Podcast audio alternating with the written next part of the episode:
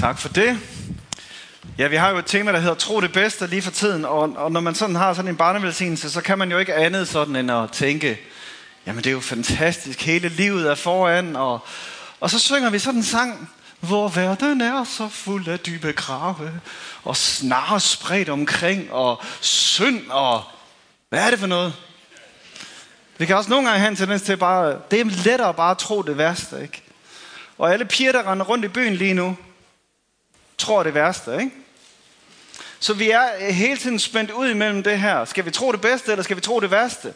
Og mange af os tror bare det værste, fordi så, så bliver vi ikke skuffet, eller så kan det kun gå godt, eller blive bedre end det, vi troede. Og et eller andet sted, så har vi det her tema for lige at minde os om, det er faktisk ikke Bibelens budskab. At vi render rundt og tror det værste. Det er faktisk, at vi anerkender, at den her verden, den er faldet, men øh, vi kan få det bedste ud af enhver situation. Og vi skal forvente, at Gud ønsker at velsigne, at Gud ønsker at være med. Vi skal forvente, at øh, andre mennesker er skabt i Guds billede. Det er vi også selv. Og øh, vi har allerede i temaet her set på at tro det bedste om Gud, tro det bedste om fremtiden, tro det bedste om sig selv og de muligheder, der er. Og øh, jeg havde selv den, der hed Tro det bedste om dig selv, og stillede det her spørgsmål. Tror du Guds syn på dig matcher dit eget syn på dig selv? Og vi talte lidt om det her med, at øh, når Bibelen omtaler os, så omtaler den os som hellige, kærlige, som Guds børn, som udvalgte og alt muligt andet. Og det er ikke altid lige det syn, vi har på os selv. Men det tilsvarende spørgsmål, når vi så skal snakke om andre, det må jo så også være, hvis vi skal tro det bedste om andre, tror du så, at Guds syn på andre matcher dit syn på dem?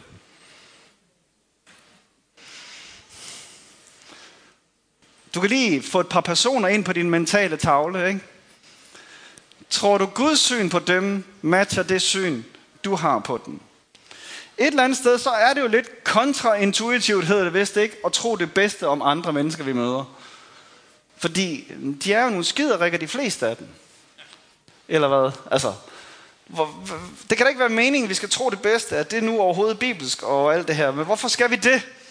Øh, jamen, hvad er alternativet? Det er jo netop tro det værste, eller tvivle på det bedste, eller det ved jeg ikke rigtigt.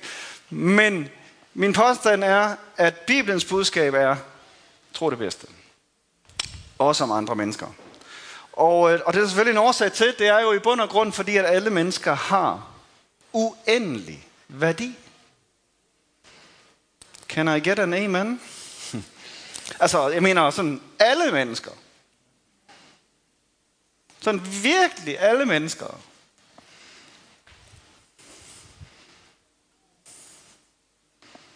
To tømmer i Aalborg. Alle mennesker har uendelig værdi. Uanset deres udseende, deres historie, deres nationalitet, deres køn, deres seksualitet, deres sociale klasse, deres alder og deres opførsel, så har alle mennesker uendelig værdi, fordi de er skabt i Guds billede.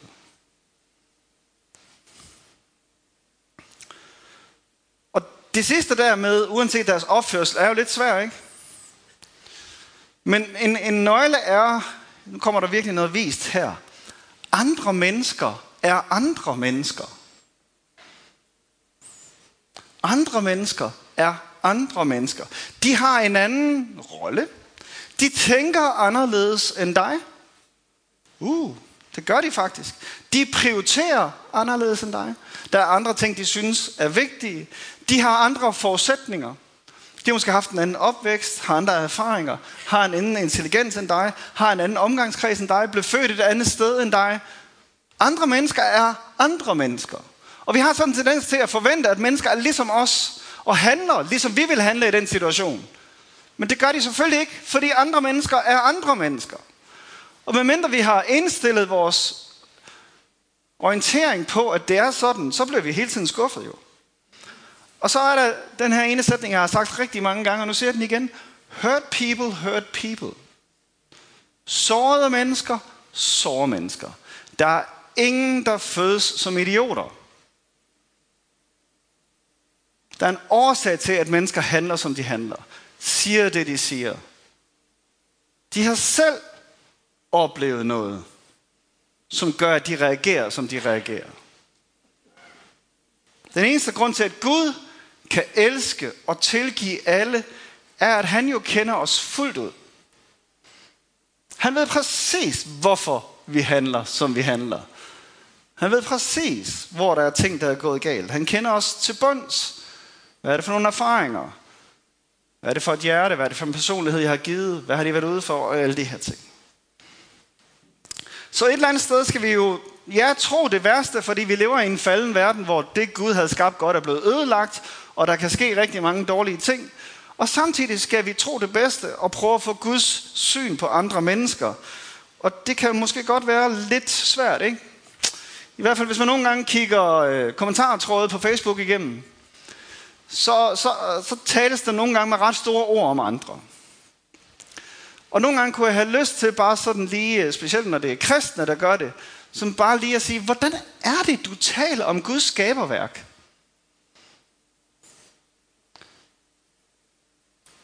Altså når vi sviner hinanden til. Og det kan da godt være, at nogen har gjort noget svineri, men det gør dem ikke til svin. Fordi de har uendelig værdi, når Gud kigger på dem. Og, og det har vi simpelthen brug for, at den synker helt ind hos os. Hvordan er det, Gud ser på det her menneske? Han skaber os i sit billede, og Jesus dør for det menneske. Så så meget værdi har det i Guds øjne, at Jesus giver sit liv for den person, du ikke kan lide. Den person, du ikke bryder dig om. Nu har jeg skrevet tre ord op her. Værdi, ære og anerkendelse. Det starter jo med værdi, at vi netop har den værdi. Et hvert menneske har den værdi, fordi vi er skabt i Guds billede, og fordi Jesus er død for os. Øhm. Og så, fordi at noget har værdi, så giver vi det ære. Alt det, der har værdi, det giver vi ære. Vi er kaldet til at give ære. 1. Peter 2, 17 tror jeg det er, siger, ær alle. Altså, alle. Det er ikke bare lige sådan, dem der, du kan lide, dem der ligner dig, og dem du synes er okay, men alle. Wikipedia siger, at ære er et antropologisk og sociologisk begreb, som bruges af mange mennesker og kulturer, om en persons, families eller folkegruppes oplevede værdi. Beslægtede begreber er hæder, anseelse, respekt og værdighed. Den store danske siger, at ære er en moralsk kvalitet hos en person, en beskaffenhed, der påkalder sig andre menneskers agtelse og respekt. Og når ære bruges i Bibels sammenhæng, så handler det om at sætte pris på, det handler om værdi, og det handler om en eller anden vægt, som ligger ind over det menneske.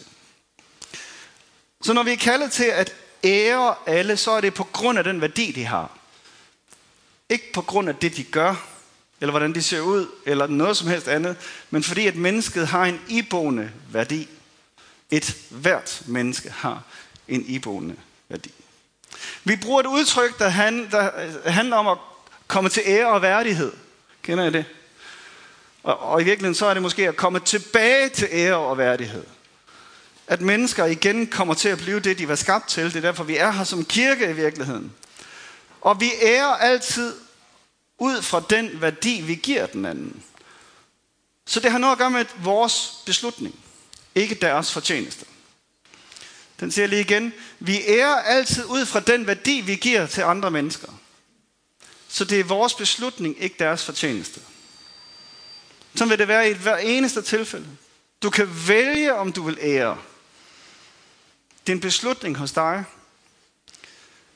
Men du kan kun gøre det, hvis du faktisk tillægger den person værdi. Og du kan kun tillægge den person værdi, hvis du får Guds øjne på den. Hvis du ser dem, som Gud ser dem. Når vi så ærer, jamen hvad gør vi så? Så beskytter vi og prioriterer og taler godt om. Og, og en, af del, en af tingene der er anerkendelse. Hvad betyder det at anerkende nogen? Det betyder jo i hvert fald i første omgang at anerkende, at de overhovedet er der måske få øjenkontakt med dem.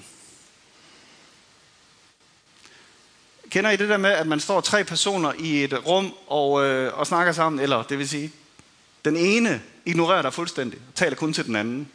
Nogen har prøvet det? Mega irriterende, ikke? Altså, det, det er jo ikke anerkendelse, vel? Det er som om, du ikke er der, som om du er luft. Så, så det starter et eller andet sted med, ved at vi anerkender personen, personen er til stede, og giver opmærksomhed. Og så handler det også om at prioritere. Hvordan er dine prioriteringer i forhold til andre mennesker? Nu siger jeg lige en sætning, som kan være svær, specielt for studerende, som synes, de har meget travlt. Der findes ikke noget, du ikke har tid til.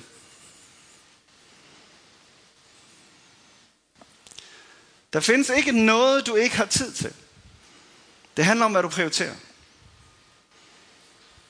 Så prioriterer du mennesker, så viser du dem ære, så anerkender du dem. Og det skal du finde ud af, hvor meget og hvor lidt du skal gøre det. Og hvis vi vil anerkende, så handler det også om at tale godt om. Man kan alt, det er altid meget lettere at kritisere. Det er 100 gange lettere at finde fejl ved andre, end det er at finde gode ting ved andre. Er det ikke rigtigt? Det er så let at finde et eller andet, nogen gør forkert. Det kræver mere arbejde at finde noget, nogen gør godt. Men det er det, vi er kaldet til. Vi er kaldet til at velsigne, sige vel, tale godt om. Ikke til at forbande, men til at velsigne. Både direkte til dem selv som opmundring, så det løfter dem, men også når de ikke lytter. Bibelen er fyldt med sådan nogle opmundringer om ikke at bagtale, ikke at være sladeragtig, alt sådan noget der. Det der, hvordan taler du om andre, når de ikke er til stede? Giver du dem anerkendelse der? Åh, oh, det er hårdt det her, var. Hvad betyder det i praksis? Jamen, det betyder både noget for vores fremtid og for vores fortid. Hvis vi lige starter med vores øh, fremtid. Hvad med det her med at tro det bedste, når du møder nogen for første gang? Der er sikkert nogen af jer i dag, der har mødt nogen for første gang. Og øh, vi møder aldrig mennesker helt neutralt. Det gør vi simpelthen bare ikke. Du møder aldrig et menneske helt neutralt. Vi prøver straks at afkode dem. Og øh, ofte ud fra udseende eller væremåde, så sammenholder vi det med nogle tidligere erfaringer, vi har haft, og nogle fordomme, vi har. Og så slapper hjernen af, for så har vi fået sat folk i en kasse. Nå, han er sådan en type der. Nå, jamen, hun, er, hun er lidt sådan der. Og du ved ingenting, du har mødt dem 30 sekunder, ikke? men du har allerede et billede af, hvem de er. Og det du som oftest leder efter, det er der, hvor du skal være på vagt, ikke? Det, det er sikkert din grundindstilling, siger, mm, gad nu vide? Ah, der er nok et eller andet. Fordomme. Åh, oh, prøv lige smag på ordet. Domme for. Altså, domme, du har lavet på forhånd. Det er jo det, det handler om, fordomme. Og det gør vi alle sammen. Og vi har fordomme, fordi vi mangler viden. Og så udfylder hjernerne de huller, der er. Hvis ikke du ved noget, så udfylder hjernen det bare med et eller andet. Og så siger jeg, jeg kendte også engang en, der havde samme trøje på, og han var sådan her. Ikke? Altså. Så, så, så det, er en, det er sådan en måde for hjernen at prøve at være besparende på. Og, og så det, det, det, det første, der sker, er, at hjernen lige udfylder alle de der huller, fordi vi faktisk ikke ved noget. Det andet, der så sker, det er, at hjernen leder efter alle mulige ting, der kan bekræfte den fordom. Så hver eneste gang, der er en ting, der taler for det, du tænker negativt om den her person, så suger du lige det til dig og siger, ah, der, der kan du bare se, jeg tænkte det nok. Jeg havde nok en fornemmelse allerede, ikke? Og i virkeligheden er det, fordi du er totalt selektiv. Og du får sådan en lille belønning i dit hjerne hver eneste gang, at du finder noget, som siger det samme som det, du troede i forvejen. Det gælder for øvrigt alle mulige andre steder på internettet og sådan noget også, ikke? Men det er bare ikke objektivt. Fordi det er det, du leder efter, din hjerne leder efter. Men med den start, jeg havde på lige før, så har du nu fået en ny viden, som siger, at hver eneste menneske har uendelig værdi. Så måske var det det, du skulle spejde efter i stedet for. Måske skulle det være din grundantagelse. Han har, hun har uendelig værdi. Så hvis du skal lægge lidt strategi her, så vær opmærksom på, at du har fordomme, det har vi alle sammen. Forudindtagethed lyder måske lidt bedre, men det er virkelig det samme. Ikke? Du tror et eller andet. Vær opmærksom på det. Så husk at se nuancerne. Husk at se, at det ikke bare er sort og hvidt, men der er faktisk mange farver. Der er positive og negative ting ved alle mennesker. Uh, Bill Johnson har sagt sådan noget med, at ære det handler om at anerkende folk for det, de er, uden at snuble over det, de ikke er. Den fortjener måske også en gentagelse. At anerkende folk for det, de er, uden at snuble over det, de ikke er. Altså, hvad er det, du fokuserer på? Fokuserer du på manglerne og det, der irriterer dig, og fejlene, eller fokuserer du på det positive? Og så vær nysgerrig. Som præst møder man jo mange mennesker. Og jeg har endnu ikke mødt mennesker, der ikke var spændende. Det har jeg faktisk ikke. Nogle gange skal man bore lidt, ikke? Men alle mennesker er jo fantastisk spændende mennesker, der har fantastiske livshistorier, der har erfaringer, de har gjort, der har livsvisdom. Alle mennesker. Så vær nysgerrig, så, så du får udfyldt de der manglende huller, du har fyldt op med en fordom, med noget faktisk viden.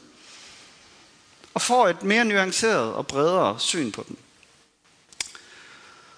Og så skal vi have Guds synsvinkel på den. Ikke? Prøv at forstå, hvor de kommer fra, hvorfor de er, som de er. Se dem som uendelig værdifulde. Kig bag facaden, Gud ser på hjertet. Og så dan din egen mening. Lad være med. Lad det være din fordom, kan man sige, at du leder efter det positive. Og så giver det mulighed for at afkræfte dine fordomme. Led efter hjertet. I øh, ordsprogenes bog, så står der i en en eller anden ældre hverdagsdansk oversættelse, som øh, skolen Euroclass har taget som deres motto. Den, som spejder efter det bedste i andre og søger at fremelske det, vinder tillid og respekt. Ordsprogene 11, 27. Den, som spejder efter det bedste i andre og søger at fremelske det, vinder tillid og respekt. Så lad os være sådan nogle spejdere, der spejder efter det bedste i andre, leder efter det positive. Og ved du hvad? Mennesker har en tendens til at leve op eller ned til de forventninger, du har til dem. Så, så du vælger egentlig lidt selv, hvordan din relation skal være. Fordi mennesker lever op eller ned til din forventning til dem. Og så når du nu har troet det bedste, så, så vil jeg bare lige sætte en ekstra lille sætning på. Og elsk uanset. Fordi det er jo ikke altid, at det så bare er fedt. Men Jesus siger hvad? Elsk jeres fjender. Faktisk siger han det sådan her. Hvis I kun elsker dem, der elsker jer, hvad særligt godt skulle der være ved det? Det kan enhver sønder jo gøre. Hvis I kun hilser på dem, der hilser på jer, hvad særligt gør I så? Gør ikke alle det? Nej, I bør have den samme kærlighed, som jeres far i himlen har. Eller en anden oversættelse, Schindler siger, I skal lære at fagne lige så vidt, som jeres far gør. I skal lære at fagne lige så vidt, som jeres far gør. Så, så det kan godt være, at du faktisk får bekræftet en eller anden fordom, og de var nogle idioter. Så skal du bare elske uanset. Det er jo det der forskel mellem kristendommen og så alt muligt andet positiv psykologi, vi kunne finde på her. Ikke? Elsk uanset. Hvordan gør man lige det? Jamen, du ved jo, de har uendelig værdi. Du kan prøve at forstå, hvorfor er de blevet, som de er blevet. Og så kan du træffe en beslutning. Nå, men det var fremtiden. Det var de mennesker, du møder. Oh, men du har jo allerede mødt nogle idioter. Der er jo allerede nogen. Du har nogle erfaringer med nogle mennesker. Øh, er der nogen her, der nogensinde er blevet svigtet, eller såret, eller skuffet? Kigge jer omkring. er der nogen her, der tænker over det, når I møder den person igen? Det kan godt være svært at lade være, ikke? Når du har negative erfaringer, når nogen har svigtet din tillid, når du er blevet skuffet. Det kan være det i familien. Jeg så faktisk en statistik, der sagde, at 21 procent har oplevet utilgivelige ting i den nærmeste familie. 21 procent har oplevet utilgivelige ting i den nærmeste familie. Det er alligevel vildt, ikke? Så, og det kan også være, at det er, når du, altså, grunden til, at det er svært at tro det bedste, er, fordi du kender dem. Altså dem, der er tættest på os, er nogle gange dem, der er sværest sådan virkelig at ære og at anerkende, fordi de bliver bare sådan en selvfølgelighed. Ikke? Jamen, de er der bare, og selvfølgelig gør de det for mig. Selvfølgelig hjælper de der, selvfølgelig. Vi foragter det der velkendte, dem der er tættest på os. Det kan være din partner, eller hvad med din chef, eller din leder i din citygruppe, eller alle de der, nå ja, det er jo bare Markus. Og så på engelsk siger man, familiarity breeds contempt. Ikke? Altså, når du sådan bliver fortrolig eller velkendt, når noget bliver velkendt, så kan man godt foragte det lidt. Og, og det sker jo, altså, at nogen svigter dig, at nogen sover dig, at nogen skuffer dig. Fordi livet sker. Uretfærdighed, kritik, angreb, ondskab, misforståelser, forskellighed. Alle de her ting sker. Det er en del af livet. Du kan ikke gøre noget ved det, der sker imod dig. Du kan kun gøre noget ved, hvordan du reagerer på det. Du kan kun gøre noget ved, hvordan du reagerer på det. Du kommer ikke til at leve i en eller anden lille boble. Uanset hvor meget vi har bedt om englevagt og sunget, herre bevare det lille barn, så kommer det til at opleve onde ting. Skuffelser, sår. Og alt det der kan så gøre dig til en skuffet og såret og alt muligt andet person. Men du har et valg, hvordan du reagerer på det. Du kan blive fornærmet og vred og angribe og blive såret og blive stødt og irriteret. Og så ender du med noget, der lærer sig dybt ned. Uvilje, had, bitterhed, partiskhed, nag. Og Bibelen er fyldt med sådan nogle udtryk. Det er sådan, det det ender med. Det er frugten af din reaktion. Og det kan både have med sådan fortiden at gøre, jamen de gjorde også, eller de gjorde ikke. Og så sætter vi lighedstegn mellem, fordi de gjorde det eller ikke gjorde det, så er de nu sådan. Men det er de jo ikke, det var det, de gjorde. Det er ikke sådan, de er. Giv dem en chance. Gud gør det med dig hele tiden. Du får hele tiden nye chancer. Prøv en gang lige at give noget videre. Og så begynder vi at tale sådan, han eller hun gør eller siger aldrig eller altid. Ikke? De der kategoriske udtryk. Han er altid sådan, eller hun gør altid det der, eller hun gør aldrig det der, eller man kan aldrig stole, eller... En har sagt det sådan, vi har en tendens til at måle andre ud fra deres værste handlinger, og os selv ud fra vores bedste intentioner. Ikke? Det er, sådan, det er på en eller anden måde det er ikke samme målestok, vi har, vel? Når det er andre, så tænker vi på det værste, de overhovedet har gjort imod os. Når det er os selv, så siger vi, ah, men jeg har de bedste intentioner, ikke? Selvom det måske ikke engang er blevet til virkelighed. Så hvad har vi brug for at gøre? Vi har brug for, ligesom i sådan en bil, at trykke på triptælleren en gang imellem. Der lige hedder nulstil. Det kan godt være, at de gjorde og sagde, men jeg kunne jo bare. Det er sådan meget forløsende. Specielt i gamle biler, hvor man kunne mærke mekanikken. Ikke? Går den lige på nul. Eller sådan en gammel spolebåndoptager. Nul. Ja, nogen aner ikke, hvad jeg snakker om her. Det er sådan en lille mekanik, der tæller op. Og det har vi alle sammen en eller anden mekanik over for andre mennesker, hvor vi lige har talt op alle de ting, de har gjort forkert imod os. Øh, og så bærer vi rundt på det, og det er mega kompliceret, men man kan også trykke på den der 0, og så prøve at starte forfra. Og jeg ved godt, det er lettere sagt end gjort. Det er kun Gud, der kan gøre det i os. Men han gør det med os hele tiden. Og han har sagt, at vi skal gøre det også. Så det er sådan lidt fortiden, og de gør altid og har altid gjort. Så er der det der med fremtiden. De skylder mig noget, ikke? Enten så er det deres tur til at invitere, eller også så øh, skal de komme og sige undskyld for et eller andet. Ikke? Nogen, der har, så nogen der inde bagved et eller andet sted. Jamen, øh, hvis de skylder dig, hvad skylder du så Gud? Jesus har en fantastisk lignelse med en gældbunden tjener, som har en kæmpe gæld til en konge, og han kommer hen til kongen og øh, ender med at få tilgivet den der kæmpe gæld. Og så går han ud derfra, og så har han en lille gæld, som en skylder ham, og så går han hen og rusker ham og ender med at smide ham i fængsel og sige, du skal betale, hvad du skylder mig. Sådan opfører vi os hele tiden. Vi glemmer, hvor meget vi selv er blevet tilgivet. Og det er helt naturligt at beskytte sig selv, når nogen har været ond imod en eller skuffet en og sådan noget, men igen være åben for Guds syn. Faktisk siger Jesus jo, at vi skal forvente uden at få igen. Det kan godt være lidt svært. Undskyld, vi skal give uden at forvente at få det igen. Eller det kan være, at du faktisk gerne vil have hævn. Igen, Bibelen er rimelig klar om det der. Hævnen er Guds. Det er ikke dig, der skal tage hævn. Han er retfærdig. Øh, fordi sagen er jo, at Jesus ikke bare er død for dine sønner, han er også død for deres. Mega træls, ikke? Hvis jeg nu gerne vil have retfærdighed her og nu, og jeg gerne vil have, at han eller hun skal betale, men der er betalt, så kan det godt være, at det vil være godt for dem, at de får gjort nogle ting op og får sagt undskyld alt Men det er faktisk ikke dig, der sidder med den der. Hvis din bror forsynder sig imod dig, siger Jesus, så skal han komme og sige undskyld. Nej, det står der faktisk ikke. Hvis din bror forsynder sig mod dig, så går du hen og søger forsoning. Du har et ansvar.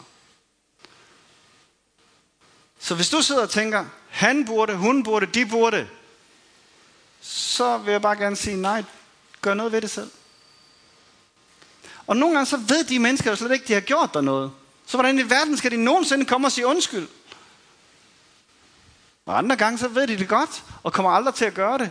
Men så har du et ansvar for at søge forsoning. Og det er ikke sikkert, at de kan blive forsonet. Men så har du ligesom fejret for egen dør. Så har du fået det ud af dit system. Hvis du kan ligesom sige, okay, nu har jeg haft snakken, jeg har sagt, hvad jeg mener. Vi kan måske ikke nå til enighed, men jeg gider ikke at bære på det mere, og Jesus har betalt for det. Så kan man få en eller anden frihed ind i det. Fordi i virkeligheden så holder vi hinanden i gældsfængsel på den her eller os selv i gældsfængsel på den her måde. Når vi går og har uvilje og bitterhed mod andre mennesker. Hvordan skal vi kunne bringe forligelse til den her verden, hvis vi ikke vi selv er forligt med hinanden? En af vores værdier her i kirken er, at vi er for enhed. At vi skal være fredstiftere. Og det starter hos os selv, hvis vi skal kunne være det for andre også. Og det gælder også nogle gange hele grupper. Det kan være, at du har sådan en eller anden fordom om hele grupper. Jamen, de unge, de er altid sådan, eller de ældre, de er altid sådan, eller de rige, eller de fattige, eller din familie, eller lederskabet her i kirken, de gør også altid, eller kommunen, eller regeringen, eller... Og vi har alle de der ting. Slip det. Godt. Det kunne jeg sige rigtig meget mere om. Det jeg i stedet for kunne tænke mig at gøre, det er og læse nogle skriftsteder op, og så lad dem ramme dig, ikke? Så læn dig godt tilbage nu, og øh, åbn dit hjerte, og så lad os høre, hvad øh, Gud han egentlig siger. Helt fra det gamle testamente, 3. Mosebog. I må ikke øve uret i retssager. Du må hverken tage parti for den fattige, eller begunstige den rige. Du skal dømme din landsmand med retfærdighed. Du må ikke løbe med slader om dine landsmænd. Du må ikke stræbe din næste efter livet. Jeg er Herren. Du må ikke nære had til din bror i dit hjerte, men du skal åbent gå i rette med din landsmand, så du ikke pådrager dig skyld. Du må ikke hævne dig på din landsmand eller bære nag til dem. Du skal elske din næste som dig selv. Jeg er Herren. Romerbrevet 12. I kraft af den noget, jeg har fået, siger jeg til hver eneste af jer, har ikke højere tanker om jer selv, end I bør have. Kærligheden skal være oprigtig. Afsky det onde og hold jer til det gode. Vær hinanden hengivende i broderkærlighed. Kappes om at vise hinanden agtelse. Velsign dem, der forfølger jer. Velsign og forband ikke. Gengæld ingen ondt med ondt. Tænk på, hvad der er rigtigt over for alle mennesker. Hold fred med alle mennesker, om det er muligt, så vidt det står til jer. Tag ikke retten i egen hånd, mine kære, men giv plads for Guds vrede, for som der står skrevet, hævnen tilhører mig. Jeg vil gengælde, siger Herren. Men hvis din fjende er sulten, så giv ham noget at spise.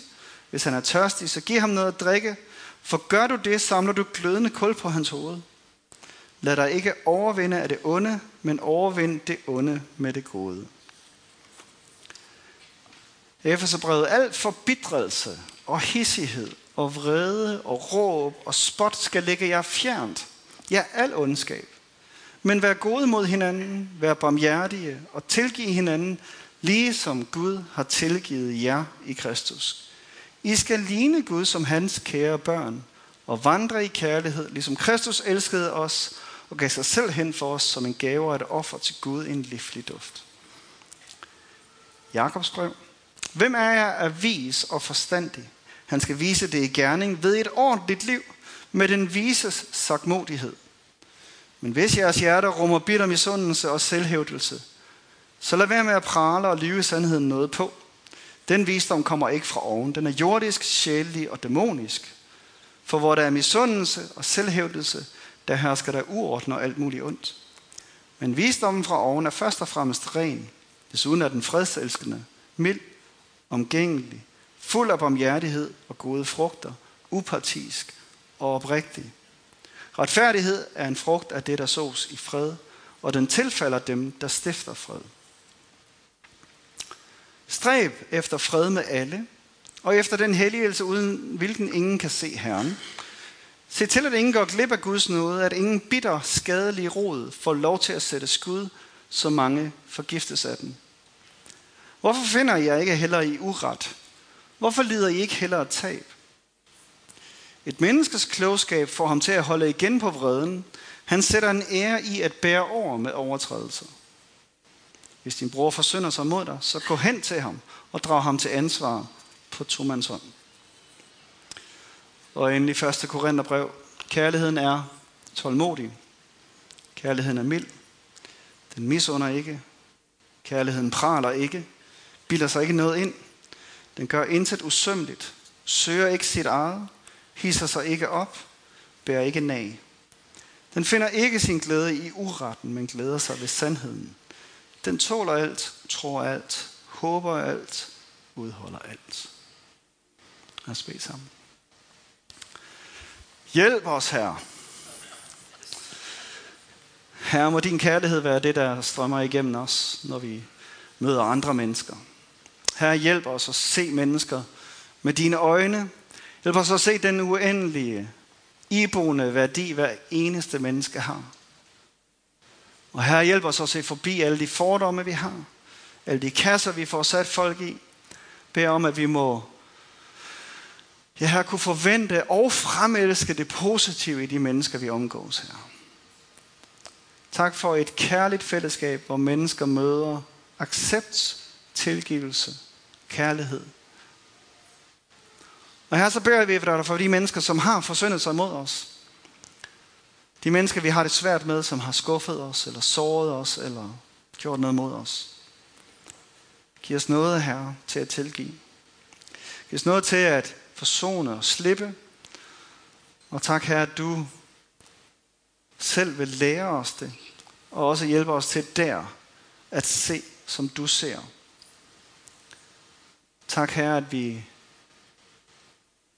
må blive et fællesskab, her, som tror det bedste om hinanden. Amen. Amen.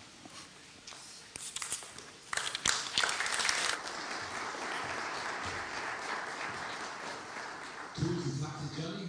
Den ramte os lige,